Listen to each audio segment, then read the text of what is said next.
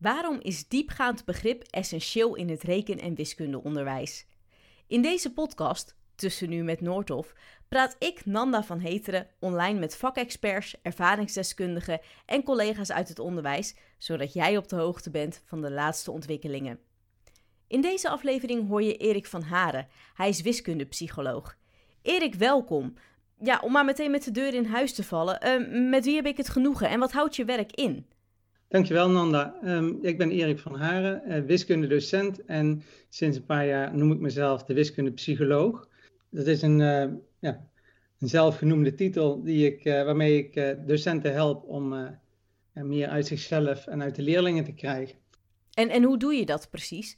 Nou, misschien kan ik even vertellen waar het vandaan komt dat ik die, die, ja, die, die drang of die, ja, die die missie heb. Ik ben uh, nu denk ik zo'n uh, eh, 21 jaar docent en um, de ontwikkeling die ik ben door, doorlopen, zullen voor andere docenten wel redelijk herkenbaar zijn. De eerste vijf jaar waar, was het vooral overleven voor de klas. En um, daarna werd het wat meer dat ik het gevoel had dat ik echt een, veel waarde kon geven aan leerlingen in die periode daarna, zeg maar van 10 tot 15 jaar, toen begon ik dat wat te doseren. Ik denk eh, dat ik toen erachter kwam dat hoe meer waarde ik gaf, hoe, uh, ja, hoe, hoe het voor de leerling soms was en hoe minder dat ze er eigenlijk van leerden. Hè? Dus hoe, als je, ja, hoe meer je zelf denkt, hoe meer je ook leert. Dus uh, dat was mijn periode waarin ik diepgaand leren ben gaan, uh, ja, ja, wat, wat beter gaan ontwikkelen. Ja, na ongeveer 15 jaar lesgeven, ongeveer vijf jaar geleden geweest, toen gebeurde er iets in mijn lesgeven wat eigenlijk de omslag voor mij uh, als persoon heeft uh, betekend. En dat was een periode dat ik eigenlijk het gevoel had dat ik een hele expert was op mijn vakgebied, maar dat ik wel in één keer uh, achterkwam dat ik een blinde vlek had. En dat gebeurde doordat ik uit werd genodigd door mijn leidinggevende om te praten over klachten. Ik had, ik had niet door dat er um, tamelijk veel klachten waren. En dat, dat heeft er bij mij wel ingehakt.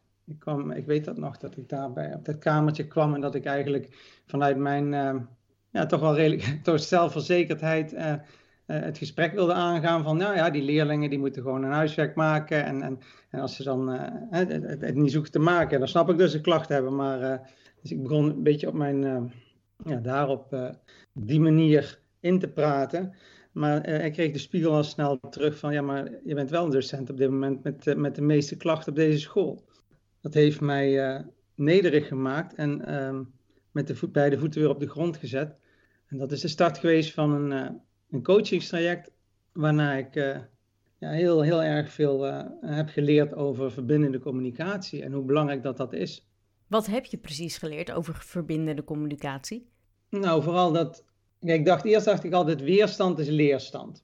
Maar weerstand tot op zekere hoogte. Je wil natuurlijk wel dat leerlingen jou vertrouwen, dat, je een, dat, je een, een um, dat, er, dat, er, dat er een mogelijkheid is tot, dat er, dat er uh, kennisoverdracht plaatsvindt. En als de weerstand te hoog is, dan, dan komt er ook niks over. Dus uh, er moet wel een sfeer van openheid, veiligheid, plezier, eerlijkheid, zelfvertrouwen moet er wel hangen om die, uh, om die confrontatie ook aan te kunnen gaan met die leerlingen. Daar, uh, daar heb ik veel van geleerd. Dus het, het in verbinding blijven tijdens het en, en feedback geven, maar wel vanuit verbinding. En dat is, dat is gelukt dus nu. En, en je hebt een missie, namelijk wiskundeplezier verspreiden. Uh, wat bedoel je daar precies mee? Wiskundeplezier, uh, dat wordt, uh, heb ik een definitie aangegeven. En dat is het gevoel van geluk dat je ervaart wanneer je spelenderwijs en vol vertrouwen, gedreven door nieuwsgierigheid, op zoek gaat naar de waarheid. Hoe ervaren jouw leerlingen het wiskundeplezier? Nou, ze, aanvankelijk uh, moeten ze wel wennen aan de uh, manier waarop ik uh, wiskunde beleef. ik zeg altijd, alles is wiskunde en, en ik probeer het, het zo leuk mogelijk te maken en zo interessant mogelijk en zo... Ik probeer heel veel betrokkenheid te creëren en dat, dat zijn ze ja, niet allemaal gewend. Maar eenmaal die schroom van zich af en ook de bereidwilligheid om te onderzoeken als we dat hebben omarmd, dan, uh, ja, dan zie je wel uh, veel stralende gezichten en, en bereidwilligheid. En dat, is, uh, ja, dat vind ik een heel mooi iets. Kan jij drie manieren aangeven hoe je dat doet bij je leerlingen? Ja, ja ik heb ook een, eigenlijk een madplay methodiek bedacht. Die gaat om het durven, doen en begrijpen. En ik zal uh, op, op al die drie facetten een, uh, een tip geven, een, een idee geven. Kijk, het, het durven gaat, gaat om de bereidwilligheid om fouten te maken. Eigenlijk de beginnersmindset. Dus door, leer, door kinderen zeg maar, duidelijk te maken dat fouten maken bij een leerproces hoort. Ja, dat is denk ik heel belangrijk daarbij. Dus bijvoorbeeld door een, uh, aan het einde van de les te vragen van welke fout heb je het meest geleerd of zoiets. Dat zou mijn tip 1 zijn. Die gaat dan over het durven. Mm um, nou, tip 2 over het doen. Uh, vaak denken leerlingen dat ze, als ze het al hebben gedaan, als ze, als ze dus een keer een opgave hebben gemaakt, dat ze het dan ook uh, voldoende kennen. En het doen gaat om het uh, echt doorgaan als je het begrijpt. Dus dat je echt die, uh, het inslijt, dat je het automatiseert. Dus doorgaan totdat je, het, dat je er bij wijze van midden in de nacht voor wakker gemaakt kan worden. Dat, dat doen en dat is door, door te oefenen en dat, ja, dat kan op verschillende manieren. Maar in ieder geval, ik zeg altijd, je kunt het beste elke dag een beetje doen. Liever 10 minuten per dag, één keer in de week een uur. Dus dat zou mijn tip voor het doen zijn. Voor het begrijpen Um, dat is de lastigste. Dat gaat over uh, dat, je door, uh, dat je altijd maar bereid bent om jezelf, uh, op jezelf te reflecteren. Dus dat je zelfreflectie, dat je dat leert ontwikkelen. Dus um, open staat om te kijken of je het wel echt begrijpt. En de beste tip die ik daarvoor kan geven is leg het eens een ander uit. Dus als je dan een ander uitlegt, dan kom je er vaak achter hoe goed je het eigenlijk begrijpt. Want er worden net andere vragen gesteld en, en dan kom je er nou, vaak ik geloof dat Einstein dat zegt, je, snapt het pas echt als je het heel eenvoudig uit kan leggen. Dus dat zou, uh, dat zou mijn tip zijn bij begrijpen. En ik denk dat die laatste ook heel waardevol is. Ik bedoel, op de lerarenopleiding uh, ben ik er zelf ook heel vaak uh, tegenaan gelopen, inderdaad. Van je leert het pas als je het een ander goed kan uitleggen. En ja, dat leer je onder andere daar. Maar ook een goede tip voor leerlingen onderling dus. Laten we verder gaan uh, met het hebben over wiskundig denken. Wat is dat in jouw ogen? wiskundig denken is denken vanuit je, vanuit, ja, nou, wiskunde is de taal van de natuur, dus elk brein is voorgeprogrammeerd voor wiskundig denken. En dan moet je denken aan getalbegrip, patronen, ruimtelijk inzicht. En um, ja, wiskundig denken helpt je eigenlijk, uh, het leert je intuïtie op waarde schatten, denk ik. En uh, ook je gedachteimpuls onder de loep te nemen. Dus als je, je denkt dat iets bepaald, hè, op een bepaalde manier moet, maar ben je ook bereid om daaraan te twijfelen, aan jezelf en, en dat te testen. Een mooi voorbeeld daarvan is bijvoorbeeld als je dan um, uh, bijvoorbeeld vraagt van, goh, een, een welke zou ik pakken? Nou, misschien voor natuurkunde. Je hebt, water in een, in een bak van 35 graden. En dan doe ik, heb ik een andere bak, ook met water van 35 graden. En dan doe ik dat water bij elkaar. Wat is nou de temperatuur van dat water? En heel veel leerlingen die, die zullen vanuit een impuls gaan zeggen, oh, 35 plus 35 is 70 wiskundig denken, dat, dat, dat zorgt ervoor, in ieder geval uh, als je wiskundig denken omarmt, dan, dan ben je daar alert op. Dan uh, analyseer je eerst wat er gebeurt voordat je een antwoord geeft, begrijp ik. Dat zo zou je het kunnen zien, maar, maar, maar, ik vind het ook prima als je een antwoord geeft en daarna bereid, als je maar bereid bent om jezelf, uh, om kritisch te blijven naar jezelf. Om altijd nog een keertje na te denken van, klopt dit en is het verifieerbaar? Dus, ja, begrijp of, ik. Of, of wellicht het, het, het um, weten dat je het soms mis kan hebben, ook al heb je goed geleerd. Waarom is wiskundig denken zo belangrijk dan? Wiskundig denken ontwikkelt een bereidwilligheid tot denken. En dat is denk ik een van de belangrijkste emotionele vaardigheden die je kunt ontwikkelen. Hè, zelfbeheersing en karakter, dat, dat is eigenlijk, uh, ligt ten grondslag. Uh, ja, wiskundig denken ligt daaraan ten grondslag, in mijn optiek. Dus ja, ik vind dat heel belangrijk. En ik hoor toch impliciet iets van reflectie, of zie ik het verkeerd? Ja, zeker, zeker. Ja, het, uh, ja, wat ik net zei, kritisch kijken naar je eigen denkprocessen en zelfreflectie toepassen, dat, dat hoort er allemaal bij, ja. Je had het net al benoemd, uh, getalbegrip, ruimtelijk inzicht en uh, wat was de derde ook weer? Patronen. Patronen, ja, dus, dus wiskundige diepgaande begrippen. Um, waarom zijn die essentieel in het reken- en ook in het wiskundeonderwijs? Nou, als je, uh, als je uh, het rekenen aan zich in het wiskundeonderwijs bekijkt, dan, dan, dan bouwt dat op vanuit, vanuit begrip. En als jij uh, onbegrepen routines volgt, dan ben je eigenlijk op dat moment niet bezig met uh, te bouwen. Zie het als een boom die groeit. Uh, je wil vanuit, vanuit de kern groeien. En dat gebeurt alleen als je voortborduurt op hetgeen je al beheerst. Dus diepgaand begrip is, is een natuurlijk leerproces. Dat je altijd weet waar het vandaan komt. En hoe stimuleer je leerlingen tot een echt diepgaand begrip? Ik denk dat de makkelijkste manier om dat te stimuleren is door vragen te stellen die tot de verbeelding spreken.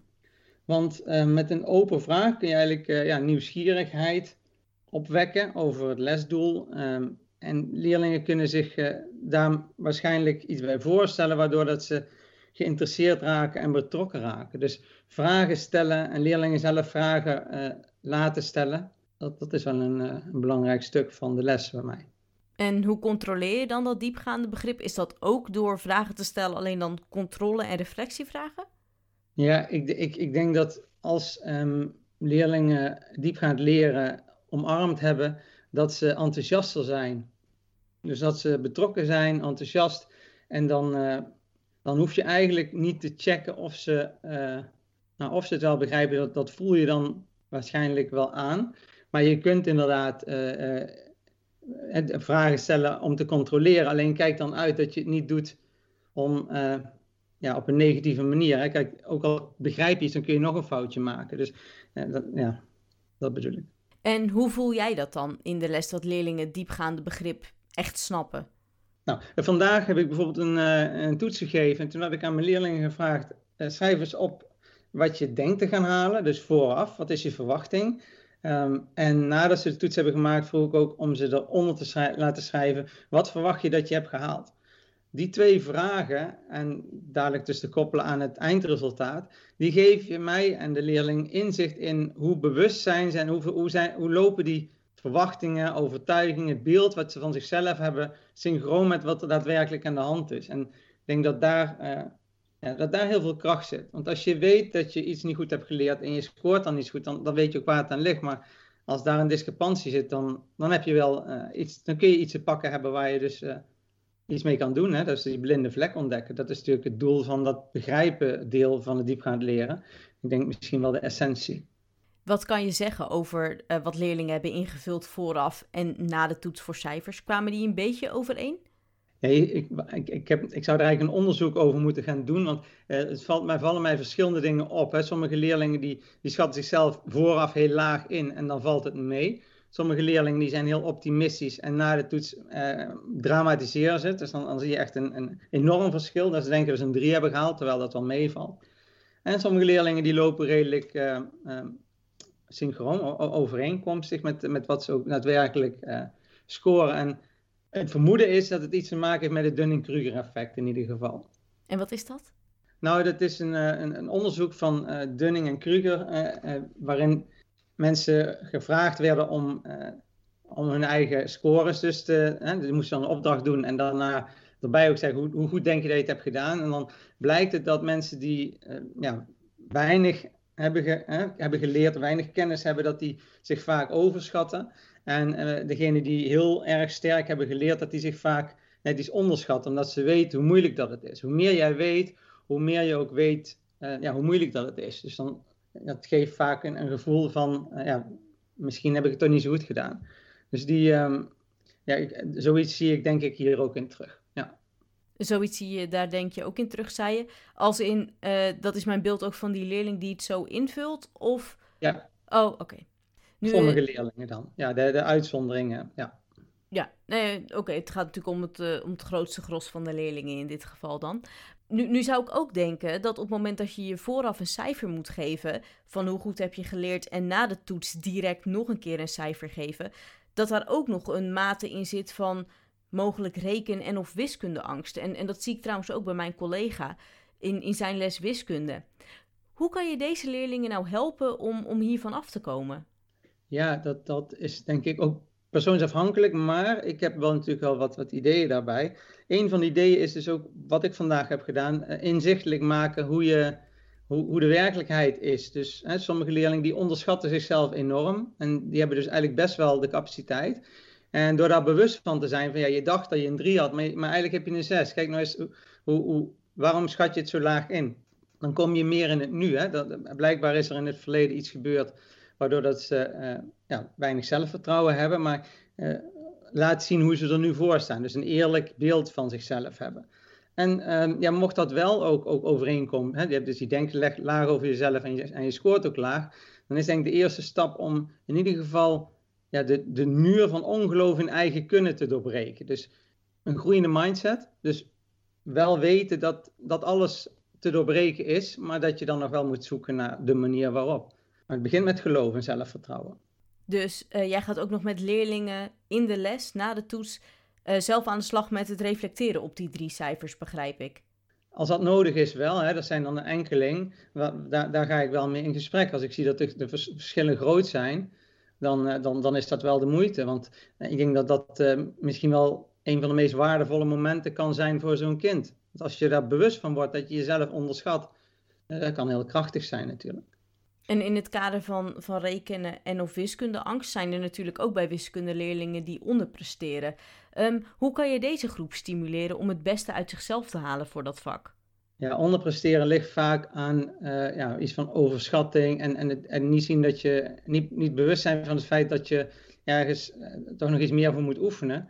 Dat is wel lastig om te, te overbruggen als je als leerlingen daar zelf niet van bewust zijn. Dus je, je, moet, je moet eigenlijk een soort van bewustzijn creëren dat er nog wat te halen valt en dat het ook leuk blijft. Dus ja, flow creëren door, en daar, daar gebruik ik speelonderwijs leren natuurlijk voor. En hoe zet je dat in dan? Laagdrempelige problemen die wel, uh, waarbij, waarbij wel een opbouw zit. Zodat ja, leerlingen verleid worden om te spelen en, en dus met, die, met de materie bezig te zijn. En tegelijkertijd ook uh, dat er een, een niveauopbouw zit, zodat ze getriggerd worden om door te gaan en, en meer uit zichzelf te halen. Kan je hier een voorbeeld uitgeven wat je hebt meegemaakt in je onderwijspraktijk?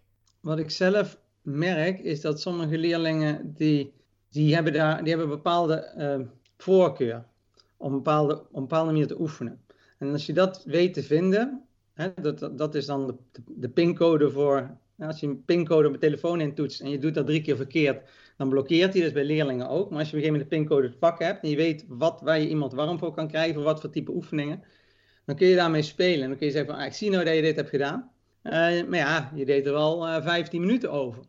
Volgens mij kan je daar wel een 10.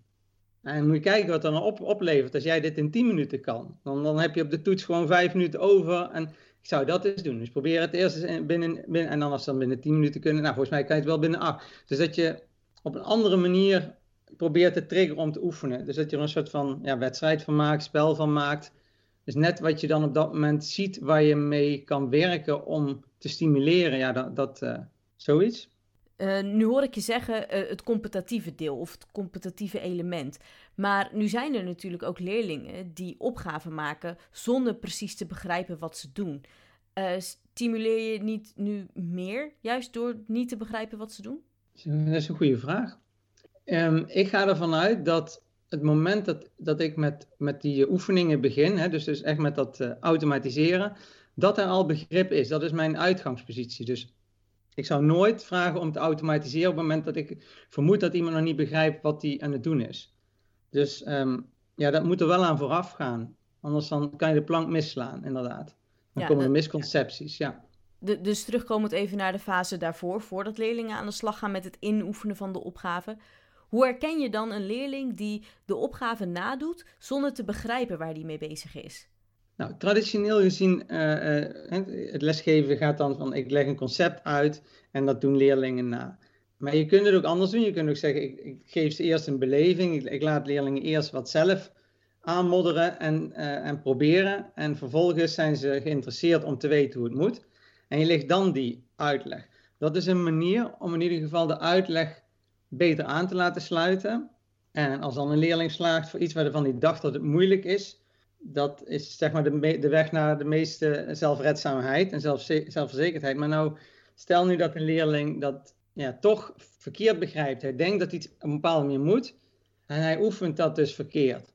Ja, dat is, dat is heel schadelijk, want dan moet je op het moment dat je daarachter komt, dan heb je heel wat werk te doen om dat te herstellen.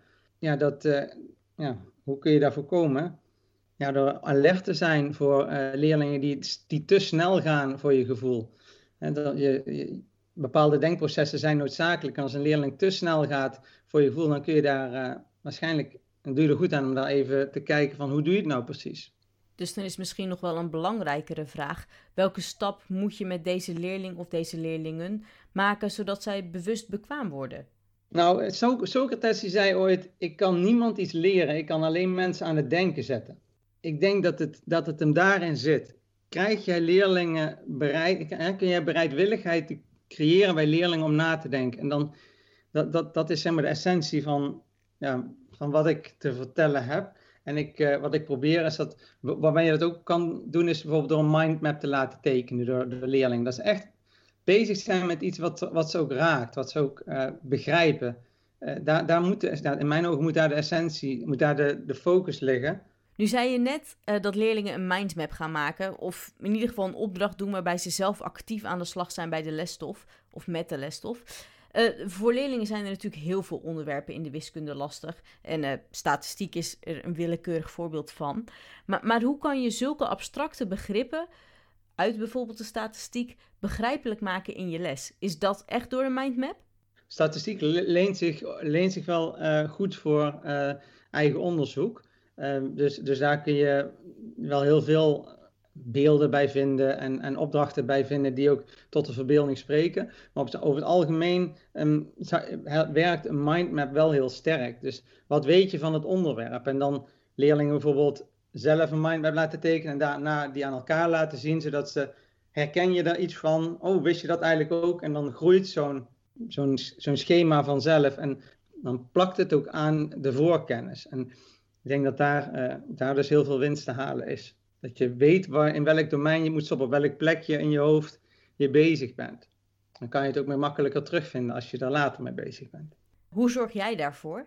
Nou, door, door in ieder geval als ik een nieuw onderwerp, uh, een nieuw onderwerp introduceer, eh, een mindmap te tekenen en te vragen. Dus van, goh, hoe, uh, wat weet je hier al van? Wat heeft het met elkaar te maken?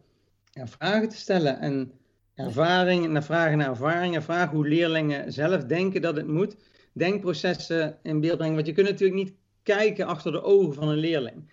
En we kijken heel snel naar de antwoorden. Maar als je vraagt van, stel dat een leerling zegt, nou, ik heb dit antwoord. En zijn we snel geneigd, oh, dat is fout of dat is goed. Als je dan doorvraagt van, hoe kom je daarbij? Wat, wat, wat, wat, had je, wat zijn de gedachten daarbij? Hoe heb je dat gedaan?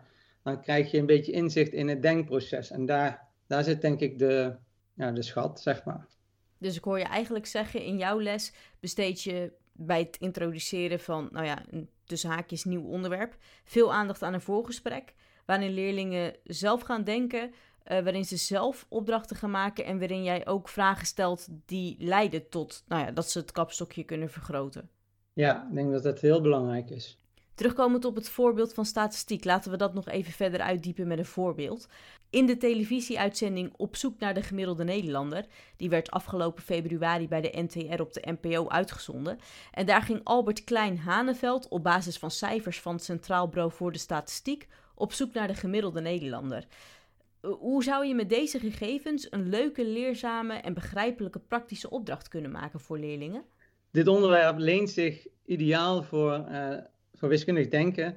Uh, het is realistisch rekenen. Hè? Dus er zijn voorbeelden uit de praktijk. En ik denk dat je er heel creatief mee uh, te werk kan gaan. Dus uh, kies je eigen krenten uit de pap. Wat heb je dan gehoord waarvan je denkt van nou dat vind ik leuk om daar een grafiek bij te maken of, een, of, of wat bij te berekenen. Ik denk dat daar ja, door leerlingen zelf ook heel veel uithalen. Dus wat ik zou doen is misschien een, een voorbeeld geven waarbij ik zelf ze aan het denken zet ergens over en een een bijzondere grafiek laat tekenen, maar vooral ook daarna zelf laten nadenken. Wat zou jij nou willen onderzoeken of wat zou jij nou uh, uh, een leuke grafiek vinden? Want ik denk dat, uh, dat, dat, je daarmee leerlingen echt kan motiveren om, om dieper te gaan. Door hè, autonomie te krijgen. Van, als ze voelen van dit, dit onderwerp, daar kan ik iets mee. En dan loslaten, ik denk dat dat heel waardevol kan zijn klinkt uh, inderdaad als een hele leuke opdracht. Dat je zelf een vraag moet bedenken als leerling zijnde. En dat je daarmee aan de slag gaat. Moet je natuurlijk wel gegevens verzamelen en dan dat verwerken. Nu zijn die gegevens in dit geval van de gemiddelde Nederlander al bekend. Dus even wat feiten op een rijtje. Uh, de gemiddelde Nederlander heeft vijf genes. is lid van de IKEA-family en heeft een tussenwoning. Nou, in het programma werd de gemiddelde Nederlander uiteindelijk belichaamd in de persoon van Frank Jansen. Maar als je die gegevens hebt hè, en je gaat in de les aan de slag met uh, bijvoorbeeld een, een boxplot of een normaalverdeling of op een andere manier het verwerken van al die statistische gegevens, hoe zou je leerlingen actief daarbij kunnen betrekken? Statistiek, daar wordt in de, in de praktijk uh, ook wel eens misbruik van gemaakt. En het lijkt mij interessant om daar, om daar wat mee te doen. Dus grafieken tekenen, grafieken tekenen die misleidend zijn en dan leerlingen erover na te laten denken van wat klopt er hier nou niet aan die grafiek. En dan misschien ook zelf zoiets laten maken, maar vooral uh, denk ik, je wil het voorbereiden, je wil iets leuks, een leuke uh, les hebben. Dus dan zou ik er zoiets mee doen, denk ik. Een, een onverwachte grafiek tekenen waar een foutje in zit. En dan laten ontdekken van wat, wat is er nou misgegaan hier. Ik denk dat dat wel een interessante opdracht zou, zou kunnen zijn. En, en hoe werkt dat in het geval van deze voorbeelden? Dus vijf jeans gemiddeld, lid van de IKEA-family en een tussenwoning. Want dat zijn absolute dingen. Nou, uh, aardige statistiek, wat die ook kan doen, is uh, je, zodra je weet dat je bijvoorbeeld uh, gemiddeld vijf broeken en vijf t-shirts hebt, hoeveel verschillende outfits kun je daarmee maken? En wat betekent dat bij mannen en vrouwen? En vrouwen heb je dan waarschijnlijk ook, ook rokken, jurken en dat soort vragen zou je er ook bij kunnen stellen. Dus je laat ze echt met de gegevens verder denken en ook koppelen aan de praktijk, begrijp ik. Ja, dat zou ik altijd proberen om het, uh, om het zo uh, leuk mogelijk te maken en zo, zo praktisch mogelijk, zodat ze er echt iets bij kan voorstellen. Dat is eigenlijk wat realistisch rekenen is. Dus in de, in de, in de leefwereld van een, van een kind proberen om, uh, om opdrachten te verzinnen. Wat als je nou wel sokken kunt combineren, hè? dus verschillende paren sokken ook nog onderling kan combineren, hoeveel, hoeveel setjes heb je dan? Weet ik veel, je kunt van alles verzinnen. Zolang het maar voor leerlingen interessant is en ze hebben er zin in, dus de, er hangt een enthousiasme en bereidwilligheid, kun je heel veel uh, daaruit halen, denk ik. Dus stel, ik wil morgen beginnen met bewust het wiskundebegrip integreren in mijn lessen. Hoe zou ik dan kunnen beginnen? Nou, ik denk die, die, die, wat we net een beetje besproken hebben, proberen om in de praktijk te brengen. Dus bijvoorbeeld uh, anderen te laten helpen, hè, leerlingen anderen te laten helpen. Voor dat begrijpen lijkt me een hele sterke. Um, we hebben het dan over wiskundeangst gehad en in het nu zijn. Dus uh, ja, daar zou ik uh, ook zeker ademhalingsoefeningen mee, mee uitleggen voor leerlingen die er echt uh, op toetsen last van hebben of bepaalde situaties. Dat ze leren om door diep adem te halen minder spanning ervaren en dus, dus, dus makkelijker ja, in het nu zijn. En uh, voor degenen die dus uh, het moeilijk vinden om uh, niet uit te stellen en wel genoeg te blijven doen, zou je kleine dagelijkse stapjes, meetbare stapjes kunnen geven. En misschien zelfs ja, controleren of een, een, plan maken van elke dag doe je een klein beetje. Want dan heb je natuurlijk uiteindelijk heb je een, een mooie groei als je elke dag een klein beetje doet. Dus dat zou mijn tip zijn voor de mensen, om, om daar eens naar te kijken. Hoe weet je dat na de les jouw leerlingen baat hebben gehad bij het concreet maken van het wiskundebegrip? Ik denk dat je dat kan merken aan de stemming in een klas. Als leerlingen positief zijn, eh, dankbaar zijn, eh, zich kwetsbaar op durven stellen en ook durven erkennen, eh, erkennen dat ze iets bijzonders hebben geleerd, dan, eh, dan, en dus die openheid is er, dan denk ik dat je als docent uh, geslaagd bent. En dat je dus een, een, een, hele fijne les heb gehad waar leerlingen optimaal hebben kunnen genieten en, en leren. Daar draait het natuurlijk denk ik altijd om. Het, het creëren van een veilige en een krachtige leeromgeving, ongeacht het vak. Maar wiskunde is natuurlijk ook deels een kwestie van oefenen. En nu hoor ik van collega's dat leerlingen door het online onderwijs van de afgelopen tijd moeite hebben om het wiskundebegrip te snappen. Uh, hoe kan je leerlingen motiveren om te blijven oefenen en tegelijkertijd ervoor te zorgen dat zij op schema lopen voor het aankomende schooljaar? Leerlingen bewust te maken van het belang van oefenen. Ik, uh, ik heb daar een mooie um, metafoor voor. Als je de eerste keer dat je iets nieuws doet, is, dan is het als, alsof je met een kapmes door de jungle loopt. Dan kap je allemaal wilde bladeren weg en dan baan je een weg door die jungle heen. En uh, na verloop van tijd ontstaat er dan een soort van olifantenpad, noem je dat geloof ik. Mm -hmm. en, en als je dat maar vaak genoeg doorloopt, dan ontstaat er een, een weg die je altijd terug kan vinden. Misschien zelfs een snelweg. En als jij wil dat je, hè, dus, dus verderop in je leerproces en verderop in je carrière nog gebruik wil maken, kunnen maken van hetgeen je hebt geleerd, dan zul je door moeten gaan totdat dat, dat die weg er ligt. En ja, daarbij is herhaling ja, de moeder van alle vaardigheden, zeg maar. Dus eh, op het moment dat leerlingen zich daar bewust van zijn en ook de kracht daarvan merken, en dat doe je dan door, uh, ja, door ze te timen, doe ik dat meestal. Dan, uh, en ze voelen dat zij dus zelf de regie daarover kunnen hebben. Dat ze zelf sterker eraan kunnen worden. Dus door te oefenen worden ze beter erin en voelen ze ook dat het beter gaat. Dat kan heel krachtig voelen. En uh, ja, dat is denk ik leerlingen autonoom maken en, en ook dat, dat zelfbewustzijn uh, geven. Waarmee ze in de toekomst ook andere blokkades aan, kunnen overwinnen. Dan hebben we het nu over het nut van uh, vaardigheden aanleren en leren leren. Maar het nut van, uh, ik noem maar iets, de stelling van Pythagoras. Hoe kan je dat voor leerlingen laten inzien? Dat geldt voor heel veel vakken natuurlijk. Hè? Dat, dat leerlingen zich afvragen, wat heb, ik, wat heb ik hier aan? Ik heb geprobeerd om een beetje aan te geven wat dan het nut is. Hè? Dat je een bereidwilligheid tot denken gaat creëren. Want uh, zelfbeheersing, karakter, dat zit allemaal in, in wiskunde. Als je wiskunde beoefent, dan ben je continu bezig met problemen oplossen, creatief probleem oplossen ja, dat is zeg maar de, de vaardigheid die je bij alle, in je hele leven nodig hebt. Dus wiskundig denken is ja, de essentie van je brein, hè, je logisch brein gebruiken. Wat een, wat een mooie afsluiting. Dankjewel Erik voor dit gesprek. Okay, dank je. In de volgende aflevering hoor je Robert Koops over hoe leerlingen gestimuleerd kunnen worden om meer te gaan lezen. Voor nu bedankt voor het luisteren naar de podcast Tussen Nu met Noordhof. Wil je geen aflevering missen? Ga dan naar jouw favoriete podcast-app om de verhalen te luisteren en abonneer je op deze podcast. Ben je enthousiast geworden of wil je meer weten? Noordhof organiseert ook trainingen. Ga naar noordhof.nl/slash podcast voor meer informatie.